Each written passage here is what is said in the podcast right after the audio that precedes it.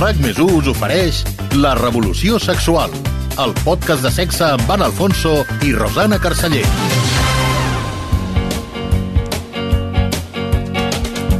Oh, I'll settle down with some old story about a boy who's just like me. Thought there was love in everything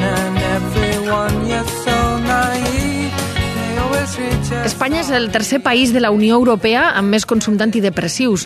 Ha crescut un 18% entre el 2019 i el 2022, segons dades de l'OCDE. Al 2022 es van consumir 98,4 dosis diàries d'antidepressius per cada 1.000 habitants, una xifra que només van superar Portugal i Suècia. Un de cada quatre espanyols pren antidepressius gairebé cada dia, segons dades de la consultora MDK. Però el que sovint no es comenta a la consulta del metge és l'efecte d'aquests fàrmacs sobre la vida sexual. Quines conseqüències tenen els antidepressius sobre la libido?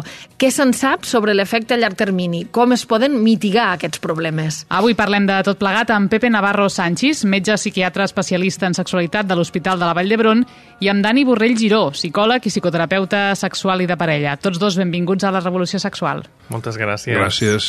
Quins diríeu que són els antidepressius més receptats? A veure, en principi, els eh, inhibidors selectius de la recaptació de serotonina serien els més prevalents en el consum de la població i, de, i juntament amb aquests els duals, que es diuen, que són una combinació, diguéssim, uns fàrmacs que actuen igual que aquests i, a més a més, fan una altra funció.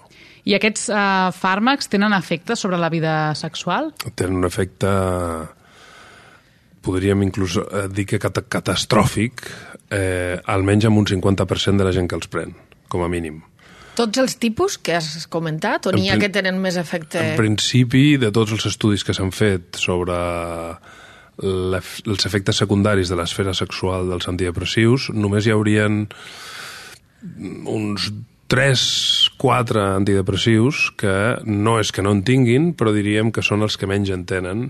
Un d'ells probablement seria el que no en té, però que és el que menys es recepta perquè és un antidepressiu que necessitem controlar molt eh, els efectes secundaris que pot fer a nivell del fetge, amb la qual es fa servir molt poc. Per tant, quatre, però de quants estem parlant en total, per fer-nos una idea? Home, no sé, ara faries així... Aproximadament. Po posa que hi hagin segur 15 antidepressius o 20 antidepressius d'ús comú. I quins efectes tenen sobre la vida sexual que siguin tan catastròfics? No, en principi, eh, aquí també hauríem una miqueta de, de parlar de grups d'edat. Eh, inicialment amb gent jove, probablement amb un desig important i amb una capacitat, diguéssim, física d'erecció encara no afectada per l'edat o altres malalties, és, és un tractament que pot no afectar a la qualitat sexual d'una forma eh, nociva. En canvi, amb altres grups de població pot provocar sobretot problemes de manca de desig a llarg termini i després a, a nivell més directe el que, el que molesta més en les dones, per exemple, seria la dificultat per arribar a l'orgasme o una sensació d'orgasme disminuïda, no, no, no de tant plaer, i en l'home també dificultat a vegades per arribar a l'orgasme fins al punt de que fa impossible que l'home arribi a ejacular. Uh -huh. És a dir, d'una banda inhibeixen el desig i també la sensació de plaer i la intensitat dels orgasmes. Sí, o el que seria més coses. també l'esfera de l'excitació queda afectada i després amb l'home tenim la part aquesta de la disfunció erèctil que és molt important, que ja de per si sempre és, ha sigut el principal problema en els homes de consulta mèdica en relació al sexe, d'antic, no, no tant el desig, sinó més el que seria disfunció erèctil o ejaculació precoç.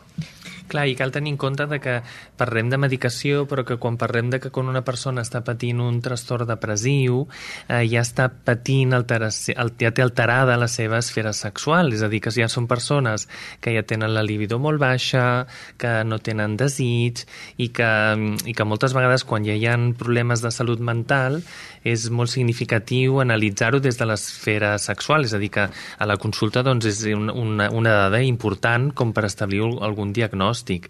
És a dir, que encara que hi ha molts prejudicis amb el tema dels fàrmacs i de l'impacte que té, també cal tenir en compte que ja per la pròpia, pel propi trastorn ja està afectada l'esfera sexual. T'hi trobes molt en consulta de pacients que et consulten per això, perquè no saben si eh, la manca de desig la tenen pels fàrmacs o per la depressió en si mateixa o què els està passant, Dani? Clar, sí que jo el que em trobo més a la consulta, sobretot amb, amb aquells pacients que, que reben un tractament farmacològic, que no tenen tota la informació de, de l'impacte que té l'esfera sexual. No? Recordo, per exemple, un pacient que estava prenent antidepressius i no ejaculava. I, i, i clar, jo fins i tot vaig cometre l'error de, com a psicòleg, doncs posar-me el barret de vinga, anem a analitzar perquè no ejacules i, i clar, al final eh, va dir, és que quan no em prenc la medicació sí que ejaculo i van dir, ah, vale. És a dir, que, que és un dels efectes eh, secundaris que, que, que et dona amb tu i que, clar, no tenir aquesta informació és, és molt perillós perquè, clar, ja no només és la gestió emocional del fet de no poder ejacular, sobretot si estàs coneixent algú, si estàs iniciant una relació de parella, sinó també és com la pròpia parella interpreta aquest fet, és a dir, que es, es crea un efecte dominó que també fa que sigui molt necessària eh, la, la informació. I sigui pel tabú de, del propi pacient que no ho pregunta o sigui per part del professional o la professional que no ho informa, clar, això sí que crea, sí que crea malestar i neguit. Clar, és que hi ha molts tipus de fàrmacs, n'hem parlat de la revolució sexual, per exemple, dels tractaments eh, pel càncer, que sí que tenen efectes en la vida sexual, però en el cas dels antidepressius és, diríem, encara més greu aquest efecte, perquè és tant eh, la, la disfunció erèctil, per exemple, o qualsevol disfunció sexual, és tant un problema derivat d'una depressió, per exemple, com del mateix efecte de l'antidepressiu, no? A veure, jo... Mm, quan nosaltres tenim que diagnosticar una depressió, hem de buscar un... o, o, o això es fa en funció d'una col·lecció de, de símptomes. I un dels símptomes és la manca de libido, de desig. Eh?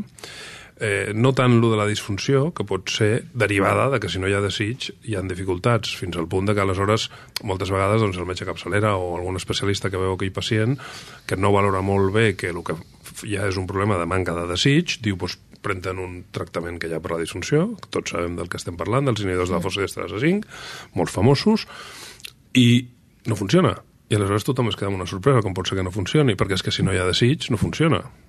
I això és el que provoca la depressió, no? que això és un problema. Jo també penso, en la línia que apuntaves tu, és que, eh, a veure, el, el,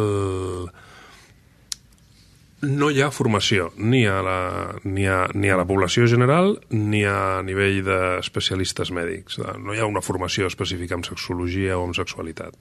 Amb la qual hi ha una miqueta això ha millorat molt en l'àmbit de primària, dels metges de capçalera, eh? s'ha fet un gran esforç i ha millorat molt, però el, el pacient no troba una porta d'entrada fàcil per comentar els seus problemes sexuals. Eh, D'aquí una mica també es va s'ha d'intentar fer un esforç en aquest sentit.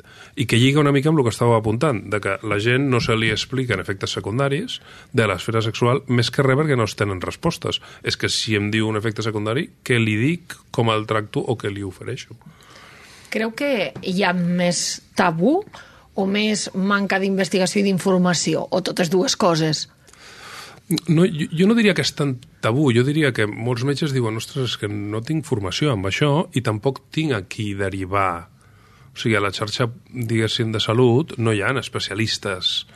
No? Nosaltres, per exemple, a l'hospital som com una petita excepció, que fem un programa molt, molt intern no? eh, per col·laborar a nivell de psiquiatria d'enllaç amb ginecologia o amb urologia per ajudar amb aquests tipus de pacients amb ells i altres patologies, eh, com pot ser pròstata i coses així, o dolor pèlvic crònic, però no, no, és, no és una sortida fàcil. No? Quan parlàveu de les dades de, eh, d'antidepressius, eh, una cosa és tot el que es prescriu, una altra cosa és el que els pacients es prenen, perquè després s'han fet estudis de veure el compliment d'aquests antidepressius i d'altres tractaments mèdics, eh? i el compliment de la població en general és baixíssim. Això, l'exemple típic és el dels antibiòtics, les resistències als antibiòtics, que tothom en sap. Aleshores, Tots ens automediquem. bueno, i a part no complim, diguéssim, les pautes. No? Clar, la població jove, si tu li dones alguna que li afecta l'esfera sexual i no es troba còmode, i no tu no li has dit que li pot afectar i no es troba còmode on preguntar-ho, el que fas és deixar-s'ho. Quan es troba I bé, això encara és pitjor, deixa. no? Perquè una depressió no tractada encara afecta més a la vida sexual que no pas els si antidepressius. s'ho deixa massa d'hora o, o encara no del tot recuperat, pot haver-hi una recaiguda i la recaiguda és més complicada de tractar. Clar, per això és molt important el, el fet de poder-ho preguntar, és a dir, de, de poder, és a dir, de que el propi pacient o la pacient doncs, que pugui dir, ostres, doncs mira, des de que em prenc aquesta medicació estic notant, doncs, ostres, que tinc més sequetat vaginal o que tinc més dificultats per arribar a l'orgasme, perquè com tu molt bé deies, Pepe, hi ha moltes altres alternatives, no? és a dir, estem parlant d'un grup ampli i, i potser afinar amb temes de, de selecció o de dosi, perquè això també garanteix eh, de que la salut sexual segurament es veurà afectada, però que l'impacte pugui ser, o que es pugui tenir en compte, que pugui ser el menor possible, perquè no és el mateix doncs, una persona eh, doncs, que ja tingui una parella estable i que, per dir-ho d'alguna manera, eh, no posa en risc a la continuïtat de la relació quan eh, ja és una relació llarga, però clar, una persona que potser està coneixent una relació o està iniciant un vincle o que està en un moment més eh, expansiu, doncs clar, això també li pot tirar enrere i, i també tenir cura d'en quina situació vital està, doncs també és important doncs, tenir-ho tenir present. Clar, com que es fa difícil de preguntar-ho al metge en aquests casos, no, pel que dèiem, o hi ha molta gent que no ho sap, podríem resoldre alguns dubtes eh, de, sobre símptomes? Per exemple, els antidepressius poden provocar um, disfunció erèctil o poden provocar manca de desig? És a dir, si jo estic prenent antidepressius i noto que tinc manca de desig, puc atribuir-ho en principi a aquest tractament. Ja sé que cada cas és diferent, eh? però... A veure, aquí eh, una mica hauríem de, hauríem de dividir el tema. Primer és, si tu tens depressió, i ten, hem de tenir en compte que els antidepressius dels que estem parlant i que hi ha tanta prescripció no és només per la depressió, sinó perquè es prescriuen per l'ansietat, perquè són el tractament de l'ansi- de l'ansietat. Sí, però si tu tens depressió pots tenir manca de desig. Si et poso l'antidepressiu, el menys que puc fer és informar-te, no? Estem, estem a la ràdio, la informació és poder, no? Que deien, doncs, informar-te, escolta'm, estigues tranquil, pot passar això, conforme et vagis animant, recuperaràs el teu i aleshores podrem calibrar i valorar quin és el que t'està produint l'antidepressiu i tenint en compte que si tot va bé, a la majoria de gent l'antidepressiu és un fàrmac que podrem retirar i que a la majoria de gent es recuperarà el seu desig previ. I això estem parlant de l'individu en concret. Si hi ha parella, com apuntaves, eh, clar, encara és pitjor. Perquè si no informem, a lo millor la parella diu, ostres, aquest o aquesta, eh, igual és que ja no li agrado, o com que estic de per ella no li atrec, o, eh? vull dir, tenim tot aquest... Això és important no només, no? perquè, i això me'n recordo de sempre, no? de Master Johnson, ja que ho deien, eh? quan hi ha un problema sexual, tractem a la parella, si hi ha parella, eh? tractem els dos, perquè moltes vegades el problema pot venir combinat de les dues persones. Mm -hmm. O és important valorar-lo en conjunt. Cal valorar, per tant, la vida sexual de la persona abans de, de tractar la depressió. Fa uns dies la, a La Vanguardia publicava una entrevista al psiquiatre Ángel Luis Montejo, creador i director científic de l'Associació Espanyola de Sexualitat i Salut Mental, i precisament ell deia que cal preguntar per aquesta vida sexual abans de tractar la depressió. Això és precisament el que estava dient, no? Està d'acord? Exacte. A veure, jo col·laboro amb l'Àngel Luis a l'associació eh, i, i, i, i en el seu, diguéssim, no m'hauria de dir que és poder el psiquiatre pioner en estudiar els efectes secundaris dels antidepressius no, no només a nivell nacional, sinó a nivell europeu i mundial, vull dir, i eh, sempre hem valorat que no pot ser que estiguem diagnosticant eh, malalties que són importants a, a, a, per la gent amb el diagnòstic i, i, que, i que produeixen un patiment molt important sense que treballem molt bé amb aquests pacients tot el que implica a, a, respecte als canvis que pot aquesta malaltia de per si i els tractaments que oferim, produir-li a nivell de, de l'esfera sexual, que pot ser desig, que pot ser excitació, que pot ser resolució, no? l'orgasme. Tu, Dani, t'has trobat, ara que parlàvem del paper de la parella, que és uh, crucial, t'has trobat uh, casos de, de parelles que pensin això que deia um, de doncs ja no li agrado o què puc fer o com puc ajudar a aquesta persona que li està passant això.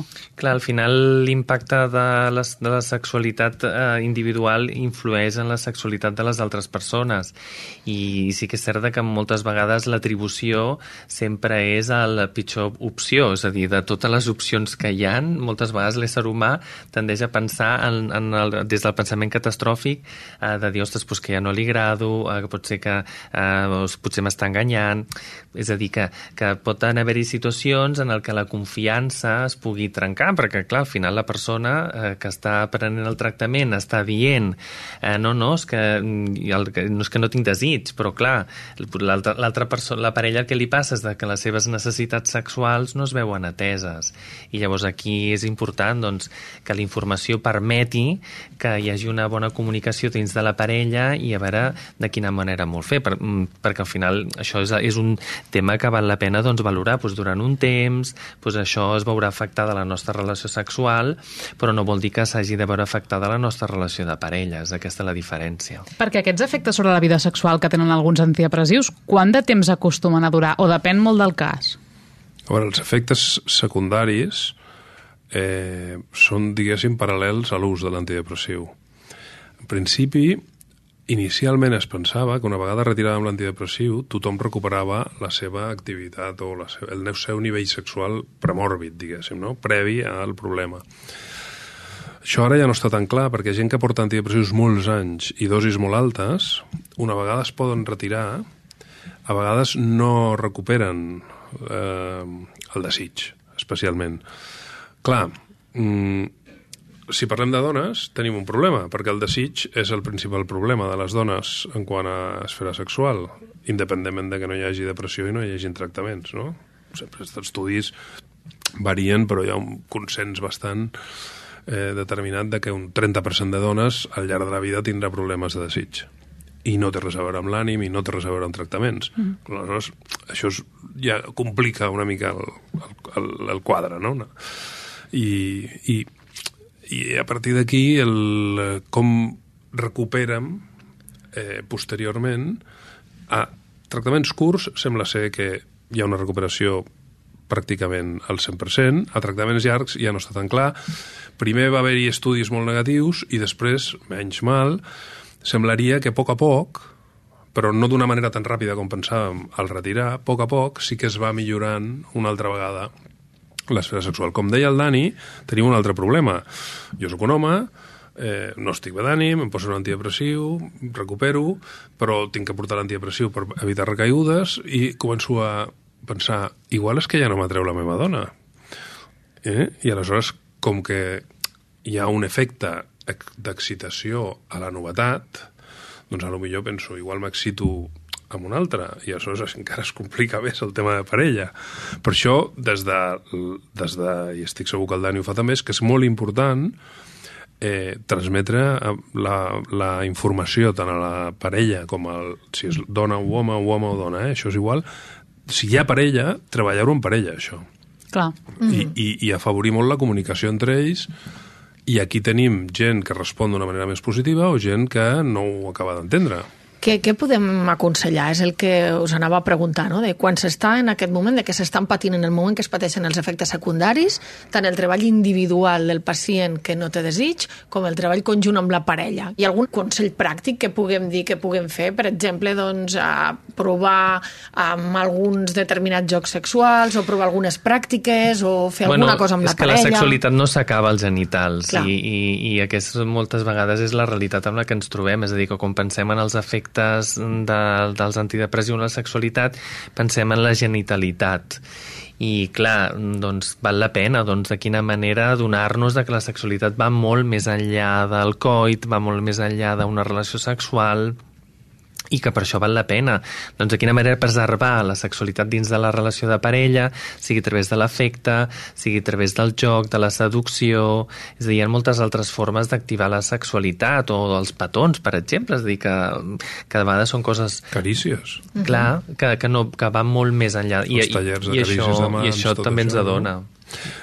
Des del punt de vista més tècnic, diguéssim, de lo que serien pròpiament els fàrmacs, mm -hmm. òbviament, si és algo que trobes que en un moment del desenvolupament de la malaltia està siguent d'un impacte molt negatiu, doncs intentes modificar aquests tractaments a favor de fer servir els que tenen menys impacte. No? Jo, parlant de tractaments, afegiria clar, aquí estem parlant directament dels antidepressius. Òbviament, nosaltres també fem servir antipsicòtics, i els antipsicòtics són devastadors, poder inclús més que els antidepressius.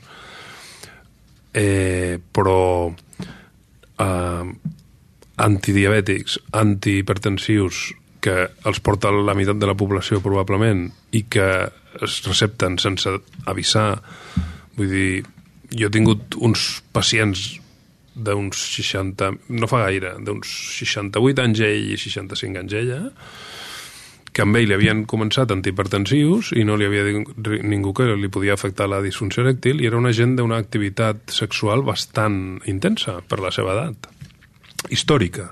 Eh? I estem parlant d'una freqüència pràcticament diària i de cop i volta a zero. I clar, la dona desesperada. I això va causar amb la dona ansietat, amb l'home depressió, secundària que no se'ls havia explicat bé. Òbviament, si tu necessites un antihipertensiu, aquest no es pot, quan estiguis millor d'ànim te'l treure, normalment no es pot modificar i tots els antidepressius, antihipertensius tenen un, un impacte molt directe amb la erecció directa, no?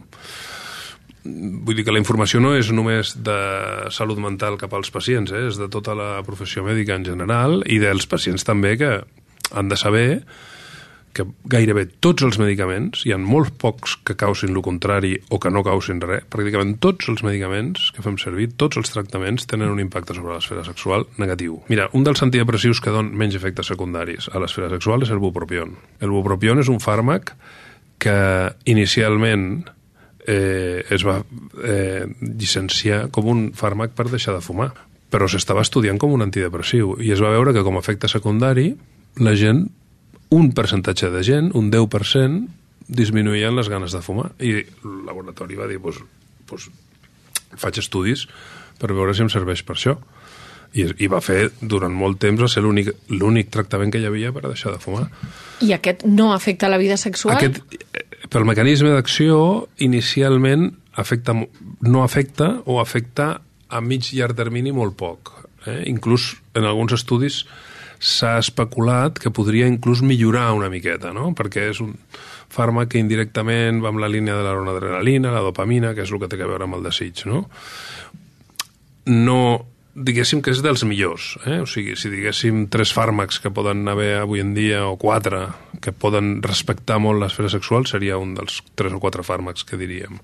Aquest, la gomelatina, la mirtazapina, la trazodona, cada, cadascú amb les seves particularitats de, de, del per què els fem servir, eh? I, i dels més moderns, igual la bortioxetina, Clar, ara molts oients que ens estiguin escoltant, jo vull aquests, no? Però no, aquests perquè, són per un determinat clar, pacient clar, amb unes clar, característiques. No, no, no. no tothom pot no, prendre no, el bupropion, es diu bupropion. El, el bupropion com a antidepressiu únic, de fet, no funciona molt bé. És un fàrmac més de combinació. I quan parlàvem d'estratègies, una de les estratègies, quan la persona està millor amb un tradicional, és dir, baixem una mica la dosis i el combinem amb bupropion i a veure si així millorem una mica, no? I en la majoria de casos això es pot fer? És a dir, per exemple, si jo m'estic prenent un antidepressiu que està afectant molt la meva vida sexual, hi ha l'opció normalment de poder-lo canviar per un altre o poder fer una alternativa o poder fer una combinació amb algun d'aquests que té veure, menys efectes? Jo diria que això va més en dir la depressió pot ser lleu, moderada o greu. Si tu tens una depressió lleu, però necessites fàrmacs, que moltes vegades potser no, però si els necessites, el millor és explicar-te el que passa i dir-te, escolta, amb això, en 6-9 mesos com a molt ho retirarem i la teva vida tornarà a ser normal. I la teva sexualitat tornarà a ser normal. Si és moderat, ja depèn dels fàrmacs que fem servir, en lloc de 6 a 9 mesos parlarem d'un any, un any i mig, però també els retirarem. El problema el tenim amb els pacients que tenen depressió greu, que no podem retirar els antidepressius perquè ja han hagut diverses recaigudes cada vegada que els intentem retirar. I aquí les combinacions moltes vegades no funcionen. Ara hi ha estratègies noves de tractament que ens poden, però que van combinades a fàrmacs amb depressió greu, i depressió greu ja estem parlant de fàrmacs duals, i els fàrmacs duals són devastadors a l'esfera sexual. Són els que més efectes secundaris donen, de fet. Perquè tu, Dani, que has tingut experiència personal amb antidepressius, has notat algun d'aquests efectes en la vida sexual? Clar, mira, jo quan vaig començar a prendre antidepressius ara farà un any i mig, recordo que la psiquiatra em va explicar eh, que sí que podria afectar la sexualitat, però que en el meu cas, com que era per un problema d'ansietat, que com a molt era un, un inhibidor selectiu de la recaptació de serotonina i que com a molt afectaria l'ejaculació, és a dir, que, que seria una ejaculació eh, retardada i, que, i, i no recordo si em va dir pel tema del desig, però en, en el meu cas sí que no, no va no m'ha afectat en el tema del desig i que en aquest sentit he continuat tenint una vida sexual que, com molt bé deia abans el Pepe, que no és el mateix prendre's un antidepressiu per tenir problemes de depressió que per tenir problemes d'ansietat, no? I en aquest cas eh, segurament no s'ha vist tan limitada la meva, la meva vida sexual, però a mi em va ajudar molt el fet de tenir informació. Després em va dir que m'engreixaria, em vaig posar a plorar com una madalena. Però, però, però que el tenir informació doncs, et dona una perspectiva una mica del dol que implica també iniciar un tractament que és per un benefici, però que també hi ha una sèrie de canvis que a mi em van ajudar doncs, a poder-me adaptar a la nova realitat. Clar, potser simplement el fet de saber que podia tenir efecte sobre la vida sexual fa que o te'ls prenguis d'una altra manera o que no hi siguin o que estiguis preparat almenys per si arriben, no? Clar, i sobretot poder-ho comunicar a la parella, eh, de dir, mira, doncs a partir d'ara em passarà això, no? És com poder anar observant quins canvis hi hauran i, i com a conseqüència d'això doncs, poder-ne parlar i poder, poder valorar i poder decidir que en aquest cas doncs, ho vaig poder mantenir. Volies afegir alguna cosa, Pepe? Bueno, no, aprofitant un... el que apuntava el Dani, clar, aquests efectes secundaris també ens han, diguéssim, que eh, proporcionat un tractament per al problema realment número 1 de la sexualitat dels homes, que és l'ejaculació precoç.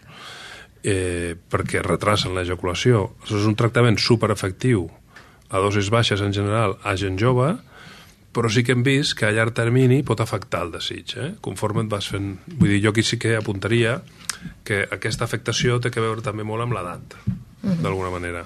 No, i concluir això, que l'important és això que esteu fent, que és informar i des dels professionals informar els pacients. Doncs pues, Pepe, aquest podcast ja el pots fer arribar... A... Home, ja el viralitzarem. El, exacte. Tant de bo.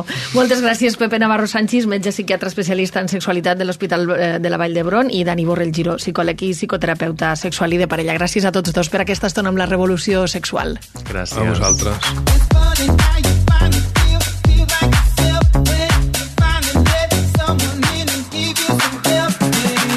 Avui acabem aquest capítol proposant-vos un festival, el Sex Education Film Festival, que aquest any arriba a la quarta edició. És un festival internacional de curtmetratges sobre educació sexual i s'hi poden veure tant curs de ficció com d'animació o documental nacionals i internacionals. El Sex Education Film Festival es fa del 28 de gener al 3 de febrer a Terrassa i la directora, Nàdia Gomà, destaca els principals curs que podeu anar a veure. Hi ha un curtmetratge de Taiwan, que és Tang Fairy, que tracta sobre un nen que eh, somia amb ballar i vestir-se de drag queen. Després també trobem el curtmetratge de la Itziar Castro, La cita, que és una comèdia sobre eh, l'experiència d'una noia, i, o sigui, en totes les cites que, que, que està tenint. També trobem un altre curtmetratge que es diu About Me i és una noia forçada pel seu pare a anar a l'hospital a revisar el seu imen. I després també tenim uns altres cortometratges que parlen sobre la sexualitat en persones discapacitades. Trobareu tota la informació del festival a sexeducationfestival.com i també al seu perfil d'Instagram. I amb aquesta proposta, com sempre, us desitgem salut i bon sexe. RAC més us ha ofert La revolució sexual, el podcast de sexe amb Van Alfonso i Rosana Carceller i el disseny de so de Salva Coromina.